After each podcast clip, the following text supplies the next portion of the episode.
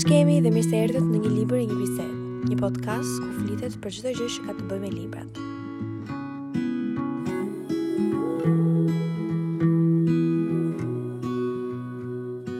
Ja ku jemi përsëri në një episod tjetër. e di që kam bërë mungesa. Duhet të ketë kaluar diku te më shumë se tre javë tani, por um, kam qenë shumë e zënë me punë dhe e di që është justifikim i stërpërdorur nga shumë njerëz, por vërtet kam qenë vërtet shumë shumë e zënë dhe nuk do doja kurrsesi që ta lija pas dore këtë podcast, por isha e detyruar që për disa javë të merrja një pushim të vogël, por ja që sot jemi me një episod të ri, më në fund. Në qoftë se ju kujtohet episodin e kaluar, Thashë që episodi i katërt, pra ky episod, do ishte në fakt një episod me një të ftuar special, dhe ajo do ishte shoqja ime e ngushtë, por... ç'të bëjmë që të dyja jemi bërë goca biznesi, goca pune, dhe nuk na del koha as për të folur me njëra tjetrën, jo më për të incizuar një episod për podcastin. Na është pak ndryshimi i vendeve, sepse jetojmë në dy vende të ndryshme, Kështu që koordinimi është paksa më i vështirë se sa në qoftë se do jetonim të dyja në një vend. Por shpresoj, shpresoj që të dyja të rregullojmë një datë ku të dyja jemi paksa më të lira dhe t'ia kushtojmë komplet të gjithë vëmendjen dhe dashurinë krijimit të këtij episodi. Mirë, sot vijmë me një episod shumë të lezetshëm, Në fakt, është një format që është shumë i njohur në YouTube, pra në atë botën e komunitetit e librave të YouTube-it, quhet Paniku i gjysmëvitit. Pra, çdo vit, ata persona që bëjnë video librash në YouTube, bëjnë këtë videon si një punë përmbledhjeje të gjitha librave që kanë lexuar Gjashtë muajt e parë të vitit zakonisht bëhet rreth fundit të qershorit, fillimit të korrikut, kështu që nuk jam shumë vonë, besoj. Dhe unë do flas për libra që kam lexuar deri tani. Atëherë nuk kam lexuar fatkeqësisht aq libra sa shpresoja që të lexoja. Kam lexuar 12 libra deri tani. Unë um, gjithsesi atë sfidën e vetes time ia kam vënë 20 libra, por Dua të lexoj më shumë se njëzet libra, për shembull, vjet unë përfundova duke lexuar rreth pesëdhjetë libra dhe ishte një krenari shumë e madhe për mua, por gjithashtu vjet nuk kisha punë, isha një e sapodiplomuar dhe nuk isha në një punë rigoroze siç jam në këto momente, prandaj dhe kisha më shumë kohë për të lexuar. Por gjithsesi shpresoj që deri në fund të vitit t'i arrij të paktën 25, 30, diçka e tillë. Mund të kemi dhe më shumë libra për të folur, sepse kam përfunduar duke përsëritur disa tituj, edhe sepse janë tituj që vërtet i kam pëlqyer, por edhe sepse janë tituj që kam lexuar këto kohë dhe duhet një diversitet, besoj, edhe për të mirën e podcastit dhe për të mirën tuaj, që edhe juve të keni më shumë uh, rekomandime të ndryshme diverse, sesa të keni të njëjtat rekomandime gjatë gjithë kohës. Gjithsesi, edhe ky episod do ketë disa libra të përsëritur, kështu që po ju paralajmëroj, në qoftë se nuk doni që T'ju flas përsëri për Emily Henryn. Atëherë bëj një skip ose mund të gjithmonë në çdo episod unë përfshij dhe përcaktime kohore të temave të ndryshme që diskutoj gjatë episodit, kështu që mund të shkoni në titullin ose në përcaktimin që ju duket interesante dhe uh, mund të vazhdoni aty. Në qoftë se nuk, në qoftë se je lodhur me Emily Henry, duke dëgjuar, duke më dëgjuar mua duke folur për Emily Henry, dhe thua o Zot i madh kur do ndalojë kjo gocë së folur për atë autore. Por uh, do flas përsëri, madje tre herë. Kështu që përgatitu. Ideja është kjo, do u përgjigjem disa pyetjeve mbi librat që kam lexuar deri tani dhe Çdo përgjigje gjithashtu do të përfshijë dhe një libër, një ose më shumë libra. Pyetja e parë, libri i preferuar që ke lexuar deri tani? Ishte një pyetje paksa e vështirë, sepse unë kam shumë, por shumë të vështirë që të zgjedh një libër të preferuar, edhe sikur të jetë një në 12 libra që kam lexuar së fundmi. Domethënë edhe sikur të jetë aq e thjeshtë dhe aq e përgatitur për mua, unë prapë e kam të vështirë që të zgjedh.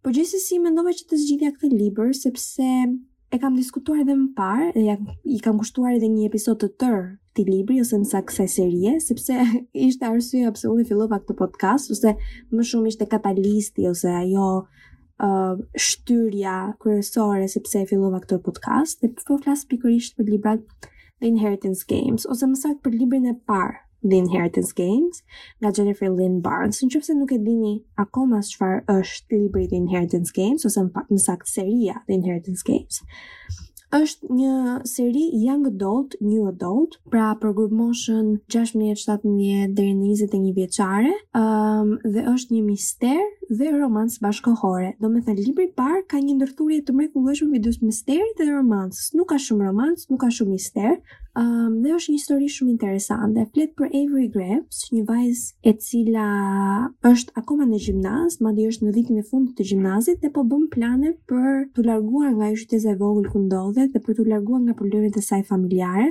dhe për të vazhduar jetën e saj diku tjetër, diku larg dhe për të ndërtuar jetën e vet në mënyrë të pavarur. Por gjithçka ndryshon kur në shkollë i vjen një djalë dy metra i gjatë, i bukur, bjond. dhe i thotë ti moj vajzë i thotë, pse nuk m'i ke lexuar letrat? Pse unë kam dërguar letra që duhet të jesh e pranishme te leximi i testamentit të gjyshit tim, që është një miliarder, domethënë. dhe nuk mund ta lexojmë testamentin në qoftë se ti mungon. Dhe kjo thotë, çfarë për ç'punë ka ky njeri, ky plak me mua, domethënë. S'e kuptoj që pse duhet t'jem unë në testamentin e dikujt që unë nuk e njoh. Dhe shkon uh, zonja jonë, zonjusha jonë, Avery Grambs, te leximi i testamentit, shkon te kjo shtëpia gjigande që i përket atij plakut që tanimë është rahmet ket, është bërë për rahmet. Dhe gjithashtu në këtë shtëpi janë dy vajzat e këtij plakut um, dhe janë katër çunat e një prej vajzave, domethënë, një vajzë nuk ka bërë fëmijë, kurse tjetra ka katër çuna nga katër burra të ndryshëm, dhe këta katër çunat janë rreth moshës së Averyt dhe janë të gjithë të bukur edhe e dimë ne, i dimë ne këto përrallat. Dhe kur lexohet testamenti, merret vesh që Avery Grambs në fakt është trashëgimtarja kryesore e pasurisë së këtij plakut. Në kjo merr diku te mos gaboj në qoftë se mbaj mend shumë mirë 47 a 45 miliard dollar plus shtëpinë plus bizneset e atij që janë biznese domethënë janë shumë biznese edhe fondacione e ça kishte ky kishte çdo gjë domethënë se ishte një miliarder dhe gjithë janë të habitur gjithë janë shastisur domethënë kush është kjo goca që po vjen tani te shpia jonë Një e panjohur edhe po ta merr lekët. I duket paksa e dyshimtë Averyt dhe çfarë bën? Merr vesh që ky plaku paska qenë i apasionuar pas lojrave dhe pas puzzlave dhe pas gjëegjëzave dhe me sa duket edhe kjo gjë që çfarë po ndodh në jetën e saj qënka një gjëegjëzë dhe bashkë me djemt, bashkë me niprat e gjyshit, duhet të zgjidhë këtë gjëegjëzë dhe të kuptojë se pse është kjo trashëgimtare kryesore e një pasurie të një personi që as nuk e njeh dhe nuk e ka njohur kurrë. Shumë interesante, e kam bërë dhe këtë krahasim më përpara, është afërsisht si filmi Knives Out nga Rian Johnson, nuk e di në qoftë se keni parë, Um, është një film i mrekullueshëm, unë e dashuroj atë film, e adhuroj. Ka një cast të papar me Chris Evans, me Michael Shannon, me Jamie Lee Curtis, me Daniel Craig, me Ana de Armas, Me Lakeith Stanfield që unë vdes për Lakeith Stanfield, nuk e di domethënë, ai është një nga aktorët e mi të preferuar edhe është shumë i nënvlerësuar, po s'po flasim për filma këtu. Gjithsesi, në qoftë se nuk e keni parë Knives Out, jua rekomandoj pa fund, shifeni Knives Out, por është e njëjta atmosferë që krijohet edhe në këtë libër, por është për një moshë më të vogël, për një grupmoshë më të vogël më të re. Pra, libri i preferuar është libri i parë i kësaj serie. Dhe arsyeja pse po e theksoj do vi pas pak. Por dua të them edhe që ky libër për momentin është vetëm në anglisht, pra nuk është i përkthyer në shqip akoma. Shpresoj që të përkthehet se seriozisht është një histori që besoj që shumë shumë adoleshentë do do e adhuronin. Është stimuluese sepse ke ato gjëegjëzat, ke ato misteret e vogla që nuk është se janë në një intelektualitet i madh, në një gjë komplet e papritur që ti thua o zot nuk po e prisja fare, por Prap, edhe më kanë edhe kam pasur shumë raste ku kam ngelur e habitur, ku nuk e kam kuptuar se ku po shkonte historia etj etj dhe nuk është aq e fokusuar te romanca sa të të marrë shpirtin, domethënë që thua Zoti i Madh, i urrej romancat. Pyetja e dytë ose pika e dytë, libri më pak i preferuar që ke lexuar deri tani. E mbani mend para 30 sekondave që thashë që e theksova që libri i parë ishte i preferuari im, Sepse libri më pak i preferuar që kam lexuar tani është libri i dytë The Hawthorne Legacy nga kjo seri The Inheritance Games nga Jennifer Lynn Barnes, nuk e di domethënë. Që ju ta dini sa shumë më ka acaruar ai libër, mund të dëgjoni episodin e dytë të podcastit, se unë aty do me, kam qenë komplet pa filtra me agjitimin tim, acarimin tim, kam treguar me pikë e presje se çfarë nuk pëlqeja nga ai libër. Dhe një nga Gjërat kryesore për mua që ishte dhe prezent në librin e parë ishte trekëndëshi i dashurisë. Në qoftë se ju pëlqen trekëndëshi i dashurisë, atëherë mund ta lexoni patjetër, mbase ky është gjëja juaj e preferuar dhe do të lexoni vetëm trekëndësh dashurie. Okej, në rregull. Këto janë me preferenca, por nuk ka qenë vetëm trekëndëshi i dashurisë që më ka acaruar në librin e dytë. Ka qenë dhe elemente të tjerë që nuk dua t'i prek tani për tani sepse i kam edhe një herë i kam diskutuar me hollësi te episodi i dytë, por gjithsesi, ky është libri më pak i preferuar i imi dhe nuk dua që të them shumë sepse do bëj spoiler për librin e parë, do tregoj gjëra për librin e parë, por thjesht dua t'ju them që nuk më pëlqeu. pra, në qoftë se jeni kurioze ose kurioz, atëherë uh, mund ta lexoni, mund të lexoni librat, por po ju them, libri i parë Më pëlqeu pa fund, libri i dytë s'më pëlqeu fare. Pyetja tjetër. Një botim i ri që sapo ka dalë, por nuk e ke lexuar akoma. Do ju mërzis. Është Book Lovers nga Emily Henry. nuk po zgjatem shumë me Emily Henry. Nuk po zgjatem shumë, sepse do zgjatem pak më vonë, por um, Book Lovers është libri më i ri i Emily Henry dhe është një libër që flet për një histori dashurie në industrinë e librave. Pra në qoftë se jeni ai person që zakonisht ka qejf të lexojë ose të shofi filma për këto romancat ose për këto ngjarje që ndodhin prapa skenave, ky është libër perfekt, sepse flet për një redaktor të një shtëpie botuese dhe një agjente talentesh në industrinë e letërsisë dhe këta të dy supozoj që të jenë uh, super rivalë me njëri tjetrin, që t'i kenë gjitha muhabetet t'i kenë keq, do me thënë, supozoj që mos t'i shkojë fare muhabeti këtyre. Por ja që e gjejnë njëri tjetrin në të njëjtin vënd, kur janë me pushime, Pra kemi prap një histori që është verore, e thjeshtë. Gjitha librat e Emily Henry kështu janë në fakt, që janë perfekte për stinën e verës, siç e diskutova në episodin e kaluar. Me sa duket, me sa kam mësuar unë, nuk kam lexuar shumë sepse unë s'kam qejf fare që të lexoj uh, shumë detaje mbi librat që dua të lexoj në të ardhmen. Me sa kam kuptuar, Mund të jetë një libër perfekt për ata personat që duan të kenë një partner që ka një simpati ose një adhurim për librat në të njëjtën monedhë ose në të njëjtin kapacitet. Por është enemies to lovers, pra kemi armiqt në, në dashuri. Kemi atë shab shablonin super të famshëm që të gjithë vdesin. Jo të gjithë, po unë një herë po e një, nuk e di. O zot i madh, kur do shpëtoj. Në qoftë se doni ta lexoni, atëherë mund ta lexoni tani sepse është i disponueshëm, por është në anglisht dhe sapo ka dalë, kështu që nuk mund të ishte përkthyer direkt në shqip. Pyetja tjetër është libri që do të dalë në gjysmën e dytë të vitit, që mezi po pret ta lexosh. Tani më duket se ky libër ka dalë, Por, dua të lexoj librin e Sabaa Tahir, All My Rage. Sabaa Tahir është një autore që zakonisht ka shkruar fantazi, young adult, më përpara. Unë kam lexuar librin e saj 2016-ën dhe mbaj mend që atëherë kisha hapur një blog, sepse kështu kam qenë e fiksuar hapja që 300 blogje për 300 fiksime të mia të ndryshme që kisha kur isha e vogël. dhe bëra një vlerësim për librin e saj An Ember in the Ashes, që sapo kishte dalë atëherë. Dhe në fakt, Sabaa Tahir e pa vlerësimin tim dhe më falenderoi, gjë që ishte një moment shumë krenar për veten time. Gjithsesi, nuk ka lidhje fare me këtë libër, Pra Sabaa Tahir ka qenë gjithmonë ose është në mendjen time ajo shkrimtarja e fantazisë An Ember in the Ashes. Unë në fakt nuk e vazhdova serinë dhe më vjen shumë keq, Madje mund ta vazhdoj serinë e saj sepse mbaj mend që e adhuroja.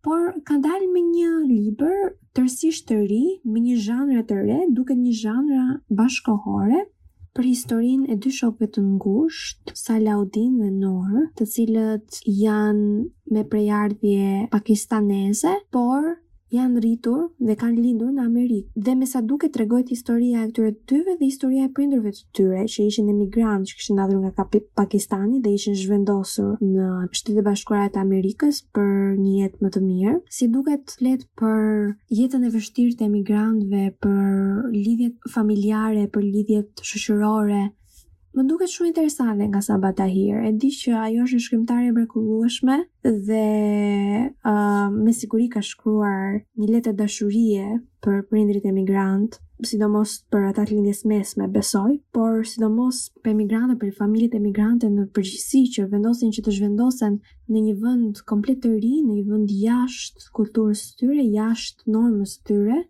për një jetë më të mirë. ato vështirësitë, ato lumturitë, ato dinamikat e ndryshme që krijohen me kalimin e kohës, duket sikur do shpalosen në faqet e këtij libri dhe më duket shumë shumë interesante dhe dua ta lexoj. Zhgënjimi më i madh, kjo do jetë një çik kontroversiale, besoj unë. sepse është një libër që është goxha i njohur, është një libër që është goxha i pëlqyer, është një libër i konsideruar si klasik modern, por që unë fatkeqësisht nuk e shijova në maksimum. Është libri Hajdutja e librave nga Mark Zusak. Fillimisht të shpjegoj pak për çfarë ka të bëjë ky libër.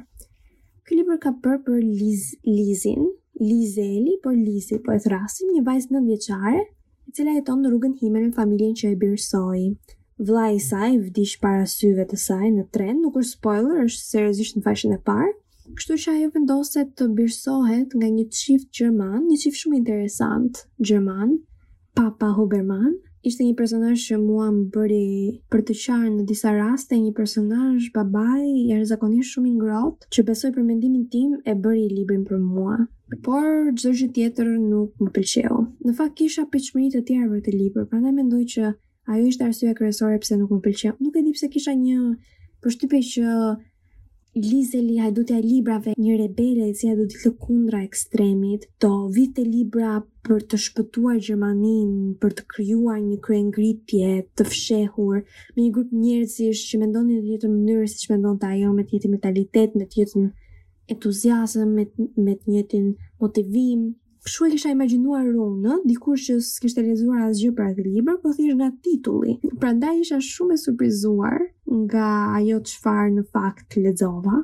Nuk do të thotë që libri është i keq, jo, është thjesht opinioni im, është mendimi im, m'u duk i zgjatur për asnjë lloj arsye. Për mendimin tim treqind faqe ishin komplet panevojshme. Kisha edhe pritshmëri shumë të mëdha për rrëfimtarin, i cili supozohet që të jetë vdekja. Kur mendoj vdekja, mendoj një personazh kaq interesant, kaq dinamik, kaq intrigues dhe më erdhi kaq i thatë dhe kaq jo interesant sa komplet ma uli pesëdhjetë me pesëdhjetë për qind qejfin duke lexuar. Vdekja aty ishte vetëm për të hedhur disa fjalë të kompozuara në mënyrë perfekte sepse nuk mund t'ia heqim talentin shkrimtarit, ka disa fraza të mrekullueshme që të ngelin në mendje, shumë të bukura, por nuk do të thotë që personazhet nuk ishin bosh dhe për mendimin tim personazhet ishin shumë të thatë, përveç babait dhe përveç Maksit. Mendoj se Maksi ishte personazh shumë interesant gjithashtu. Disa nga skenat e mia të preferuara ishin me Maksin, por personazhet e tjera thjesht m'u dukën shumë të sheshtë, shumë të thatë, jo interesant. Supozohet që në qoftë se nuk ke një histori të madhe, pra sepse kjo është, ky është një libër që bazohet te historia e personazheve, nuk është se ke një zhvillim të tregimit, një zhvillim të historisë të konsiderueshme ke një përqendrim te personazhet dhe kur autori vendos që ok, unë do fokusohem ose te zhvillimi i historisë, ose te zhvillimi i personazheve, atëherë kur zgjedh zhvillimin e personazheve, kur zgjedh personazhet që të jenë thelbi i librit, të paktën ato personazhe duhet të jenë interesant, duhet të jenë tërheqës.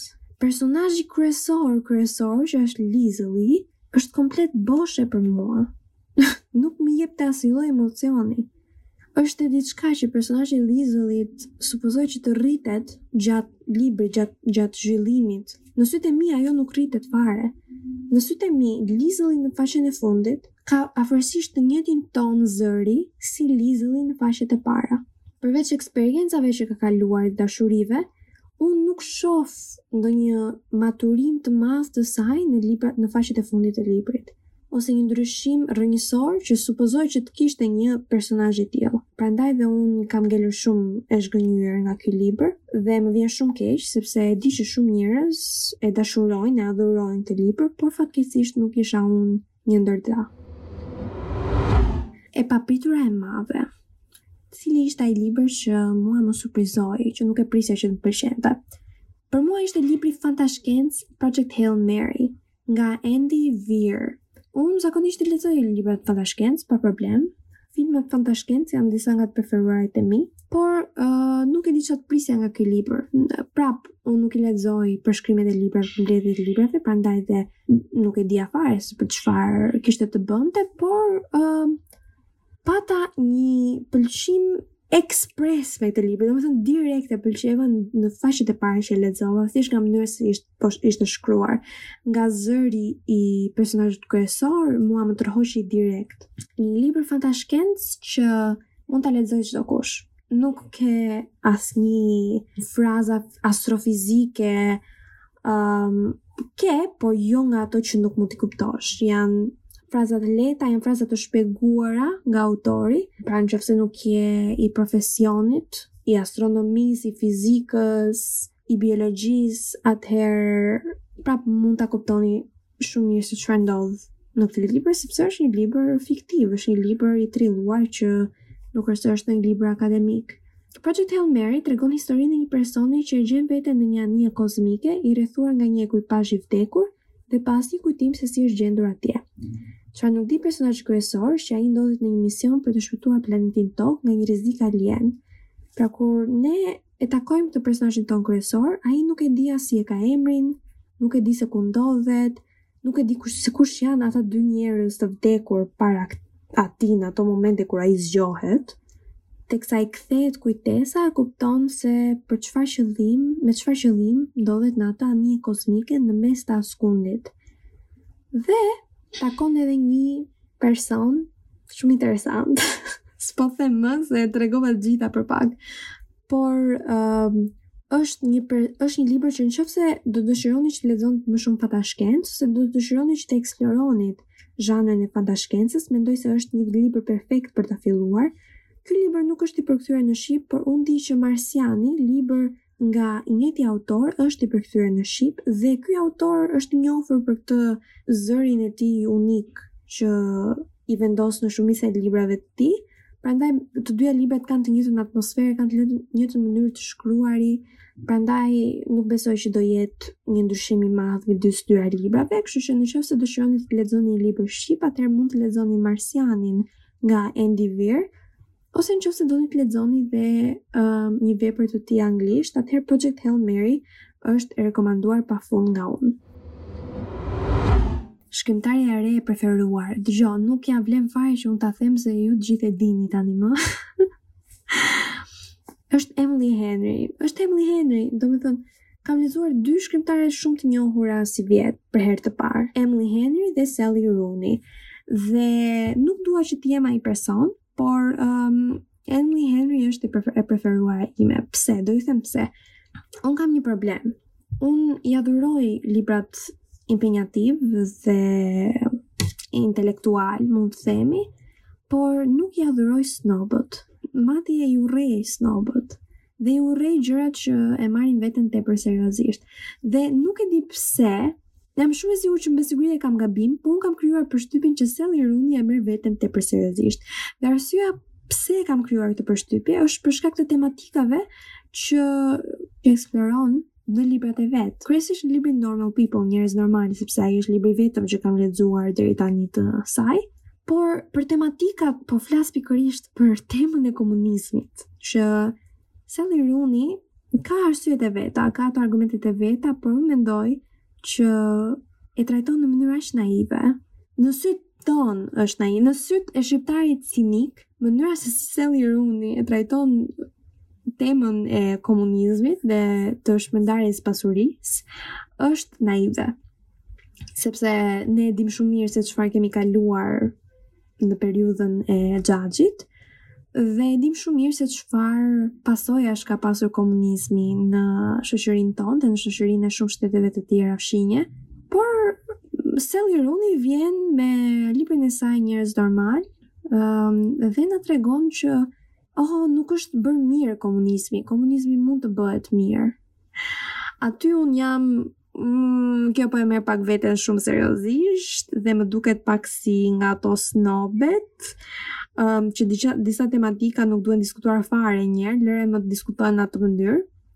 Gjithsesi nuk është fare fokusi i librit te Njerëz normalë, është thjesht diçka që një detaj që unë e kapa dhe që më ka, më ka ngelur në mendje, sepse janë ato gjërat që të bëjnë më shumë përshtypje janë gjërat që të nxisin një çik uh, emocion negativ dhe uh, nga që ajo pjesë më nxiti pak atë lloj uh, nuk më pëlqen mënyra se si kjo po diskuton këtë tematikë ose disa tematika të tjera me thënë të drejtën sepse tematikat që Sally Rooney i diskuton Njerëz normalë un kam vënë re dhe kam lexuar që ajo i beson vërtet në jetën e saj reale domethënë janë argumente dhe janë ide që ajo i mbështet dhe prandaj më krijohet dhe ajo përshtypje që kjo person, ky person e merr veten tepër seriozisht dhe është snobe. Kjo është arsyeja pse nuk duhet të dish asgjë për autorin e një libri që ti pëlqen ose nuk pëlqen, sepse vërtet të ndikon.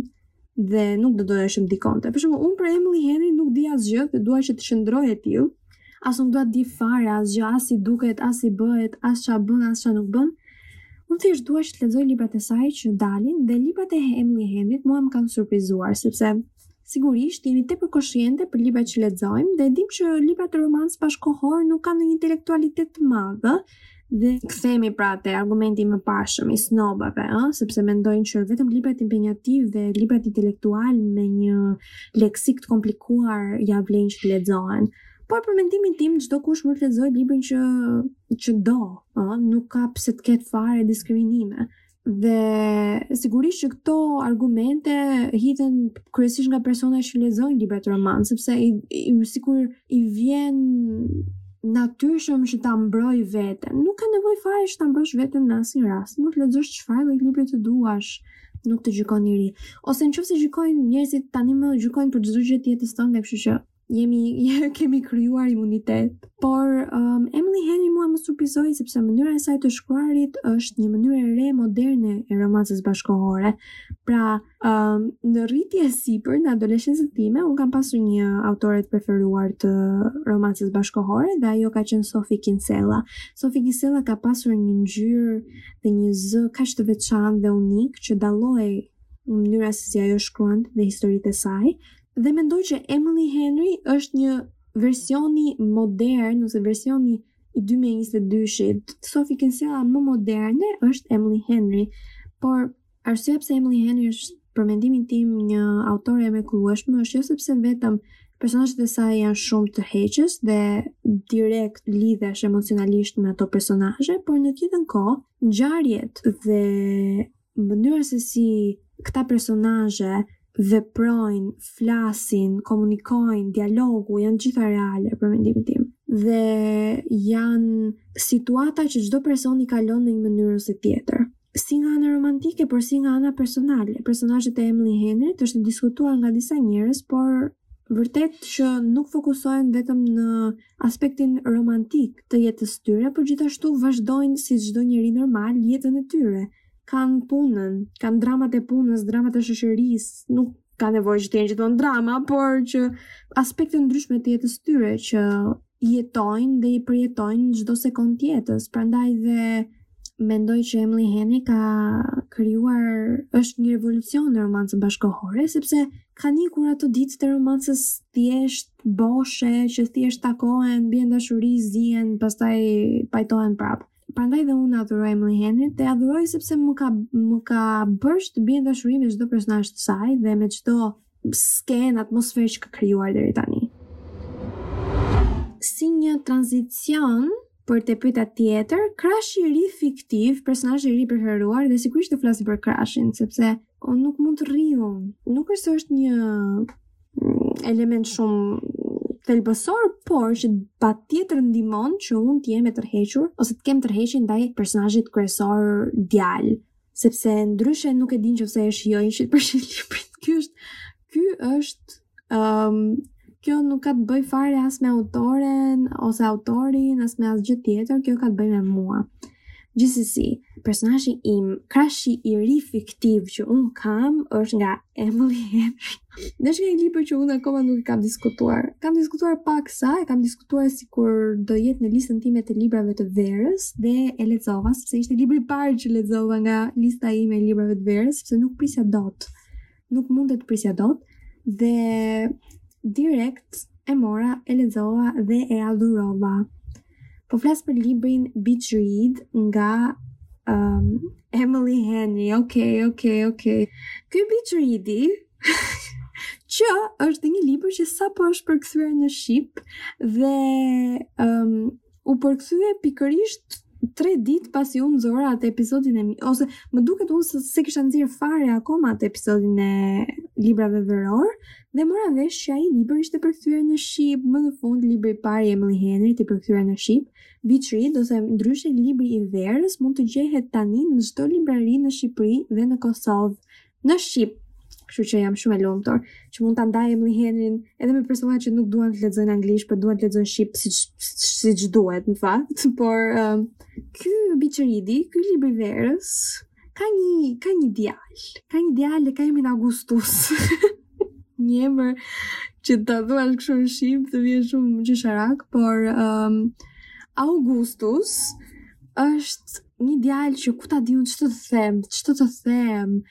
Nuk është vetëm Emily Henry, dihet që ajo është sepse e ka e ka shkruar, e ka krijuar këtë person, por mënyra se si ai ishte shkruar ishte jashtëzakonisht nuk uf, lart, tepër lart. Ëm um, mënyra se si progresoi marrëdhënia midis atij dhe January-t dhe roli i tij në atë marrëdhënie. dhe ndjenjat e tij dhe aksionet e tij dhe veprat e tij dhe çdo gjë uh, nuk e di domethënë. Tani ku ta gjejmë ne një Augustus? Se Emily Henry na bën ne gjithë këto libra të mrekullueshëm që na bën të qeshim të qajmë, ku ta di unë çdo gjë domethënë. Po tani të paktën mos na rriti çik ato pritshmëritë, na i uli një çik ose ku ta di unë na na uli një çik me këmbë në tokë ose mbase është një Augustus atje goca ose çuna dhe për ne dhe mundet që ta provojmë dhe një dashuri si January me atë me atë burrë. Ëm um, gjithsesi se u bëra një çik kështu. Krashi i mirë fiktiv është Augustusi. Libri që të bëri për të qarë.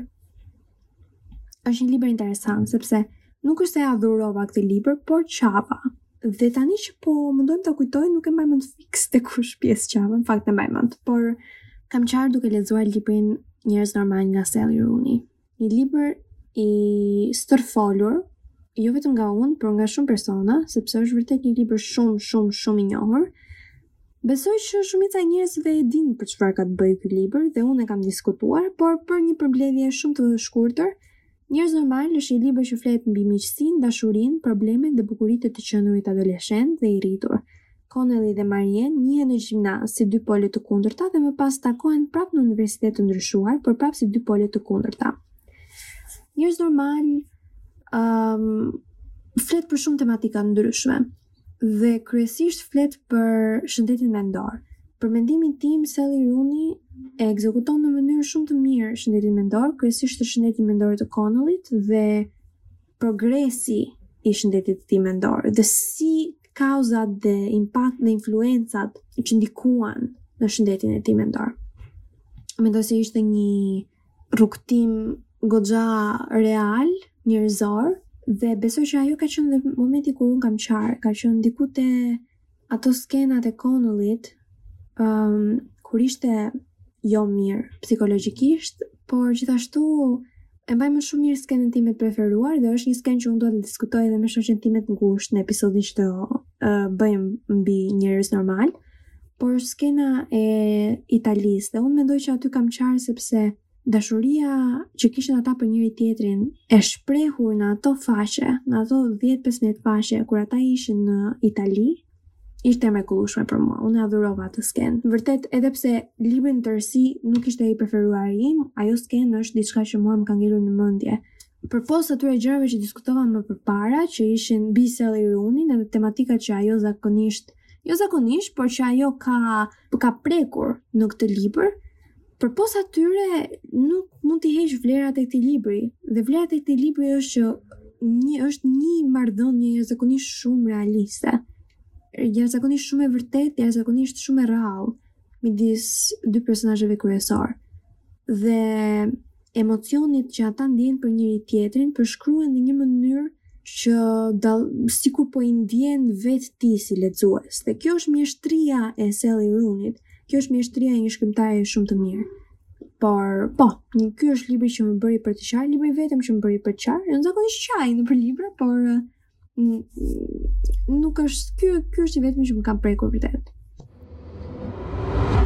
Libri që të bëri të lumtur. Dëgjo, do e përmend si titull dhe nuk do e përmend më, nuk do e zhvilloj, nuk do e shtjelloj sepse sepse ëm um, kam folur tre herë ose në çdo episod përveç episodit që i kam kushtuar vetëm një serie libri, un kam folur për këtë libër People We Meet on Vacation nga Emily Henry. Kaq, kaq po them, um, e adhuroj këtë libër.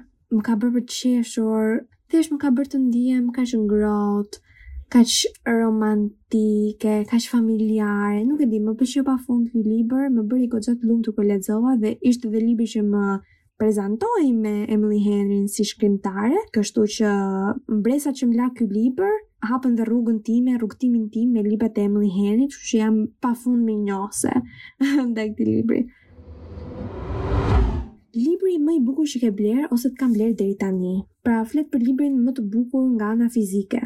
Dhe është Dashuria në kohërat e kolerës nga Gabriel Garcia Marquez. Është kopertina e krijuar nga Onufri, nga shtëpia botuese Onufri. Shtëpia botuese Onufri në fakt është një nga shtëpitë botuese më të mëdha, domethënë se ka dhe shtëpi botuese të pavarura që janë paksa të vogla që kanë kopertina të mrekullueshme, shumë të bukura, por që nuk janë aq të njohur sa shtëpia botuese e Onufrit. Më lënë për të dëshiruar kopertinat e përkthimeve e librave që përkthehen në shqip ose edhe e librave shqip që janë origjinale në shqip, por uh, besoj që po ndryshon me kalimin e kohës dhe shpresoj që të ndryshojë. Kanë probleme me shkrimet te libra kopertinat tona, me fontet dhe duhet që të gjejnë të gjejnë një, një bukleta ku ta di unë online dhe që thjesht të kenë fontet e duhura sepse asnjë libër, shumica e përkthimeve të librave anglisht në shqip kanë një font në kopertinë të tmerrshëm, domethënë nuk e di, por se nuk dua t'i futem atyre uh, gjërave vogëlsirave nëse mund t'i quaj, edhe pse për mua kopertina prap ka të bëjë sepse në fund fundit ajo do qëndrojë në librari, librarinë tonë personale, bibliotekën tonë personale dhe uh, Do të ketë edhe atë syrin e vet, estetikën e vet, pse mos të jetë për shembull si origjinali? Zakonisht Amerika dhe Anglia i kushtojnë shumë vëmendje kopertinës, dizajnit të kopertinës së tyre dhe do doja që të kushtonin edhe më shumë vëmendje këtu, por gjithsesi janë gjëra që nuk është se kanë të bëjnë me me tregimin, me historinë, me librin. në tërësi, por prapë është një element i rëndësishëm për mendimin tim. Por Onufri ka bërë një punë shumë të shumë të mirë këto kohë me ndryshimet e kopertinave të librave klasikë shqiptarë, siç janë librat e Ismail Kadaresë, që kopertinat e të cilave kanë janë të mrekullueshme për mendimin tim si dhe të klasikëve modernë të huaj si Dashuria në kohërat e kolerës, që mund ta gjesh edhe në version paperback, pra në versionin e kopertinës të hollë dhe në versionin e kopertinës të trashë prej kartoni, që edhe gjithashtu është një kopertinë që është perfekte për ata persona që mbase duan të ndërtojnë një koleksion librash. Dhe e fundit, pyetja e fundit është cilat libra do të lexosh deri në fund të vitit? ta nxjerr unë tani listën time në Goodreads. Lista ime në Goodreads është 74 libra që unë dua të lexoj. Për shembull, dua të kap thjesht disa tituj të ndryshëm, që të ketë një diversitet titujsh dhe të jenë tituj që s'i keni dëgjuar deri tani në podcastin tim. Shyqyr Zotit. Një është Cirku i Natës, The Night Circus nga Erin Morgenstern. Fantazi. Më duket interesante, është goxha e njohur dhe do doja shumë ta lexoja.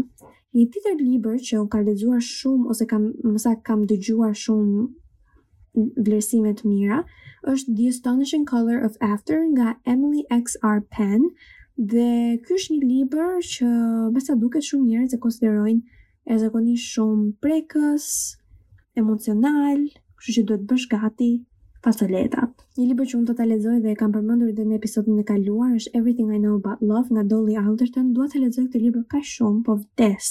Dhe mezi pres që të vijë në duart e mia dhe të mundem ta lexoj dhe të kem kohë për ta lexuar. Kam edhe disa non-fiction, kam um, Origin Story, A Big History of Everything nga, nga David Christian, Facebook The Inside Story nga Steven Levy i adhuroj këto prapaskenat e kompanive të mdhaja si Facebooku. Piranesi nga Susanna Clarke, një libër që unë e kam në listën time që në 2018, diçka e tillë, është një libër që vërtet dua ta lexoj, sidomos në në dimër, kështu që sepse thonë që është një libër tetori, nëntori, një libër tjetër, edhe ky është libri i fundit, ëh, sepse nuk dua të lexoj gjitha 74 libra që kam këtu.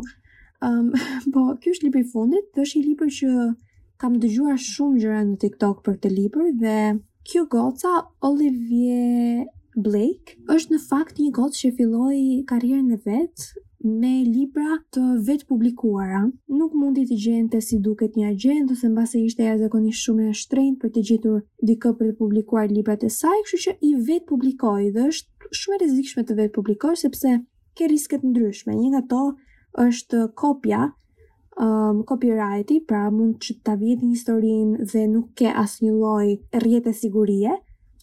Por ja që Olivie Blake pati një sukses të marramendës, për shkak të TikTokut, imagjino çfarë bën TikToku këto ditë dhe ajo tani është një shkrimtare e lidhur me një shtëpi botuese dhe do t'i botojë përsëri librat e saj tani më si pjesë e shtëpisë botuese.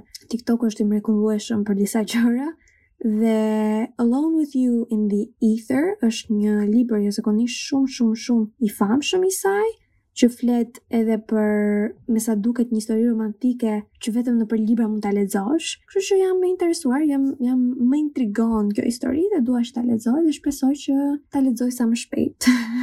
shpresoj që të lexoj këto libra në fakt në përgjithësi dhe shpresoj të kem kohën e duhur për të lexuar pak sa më shumë edhe për të arritur atë numrin e librave që i kam vënë vetes si sfidë këtë vit.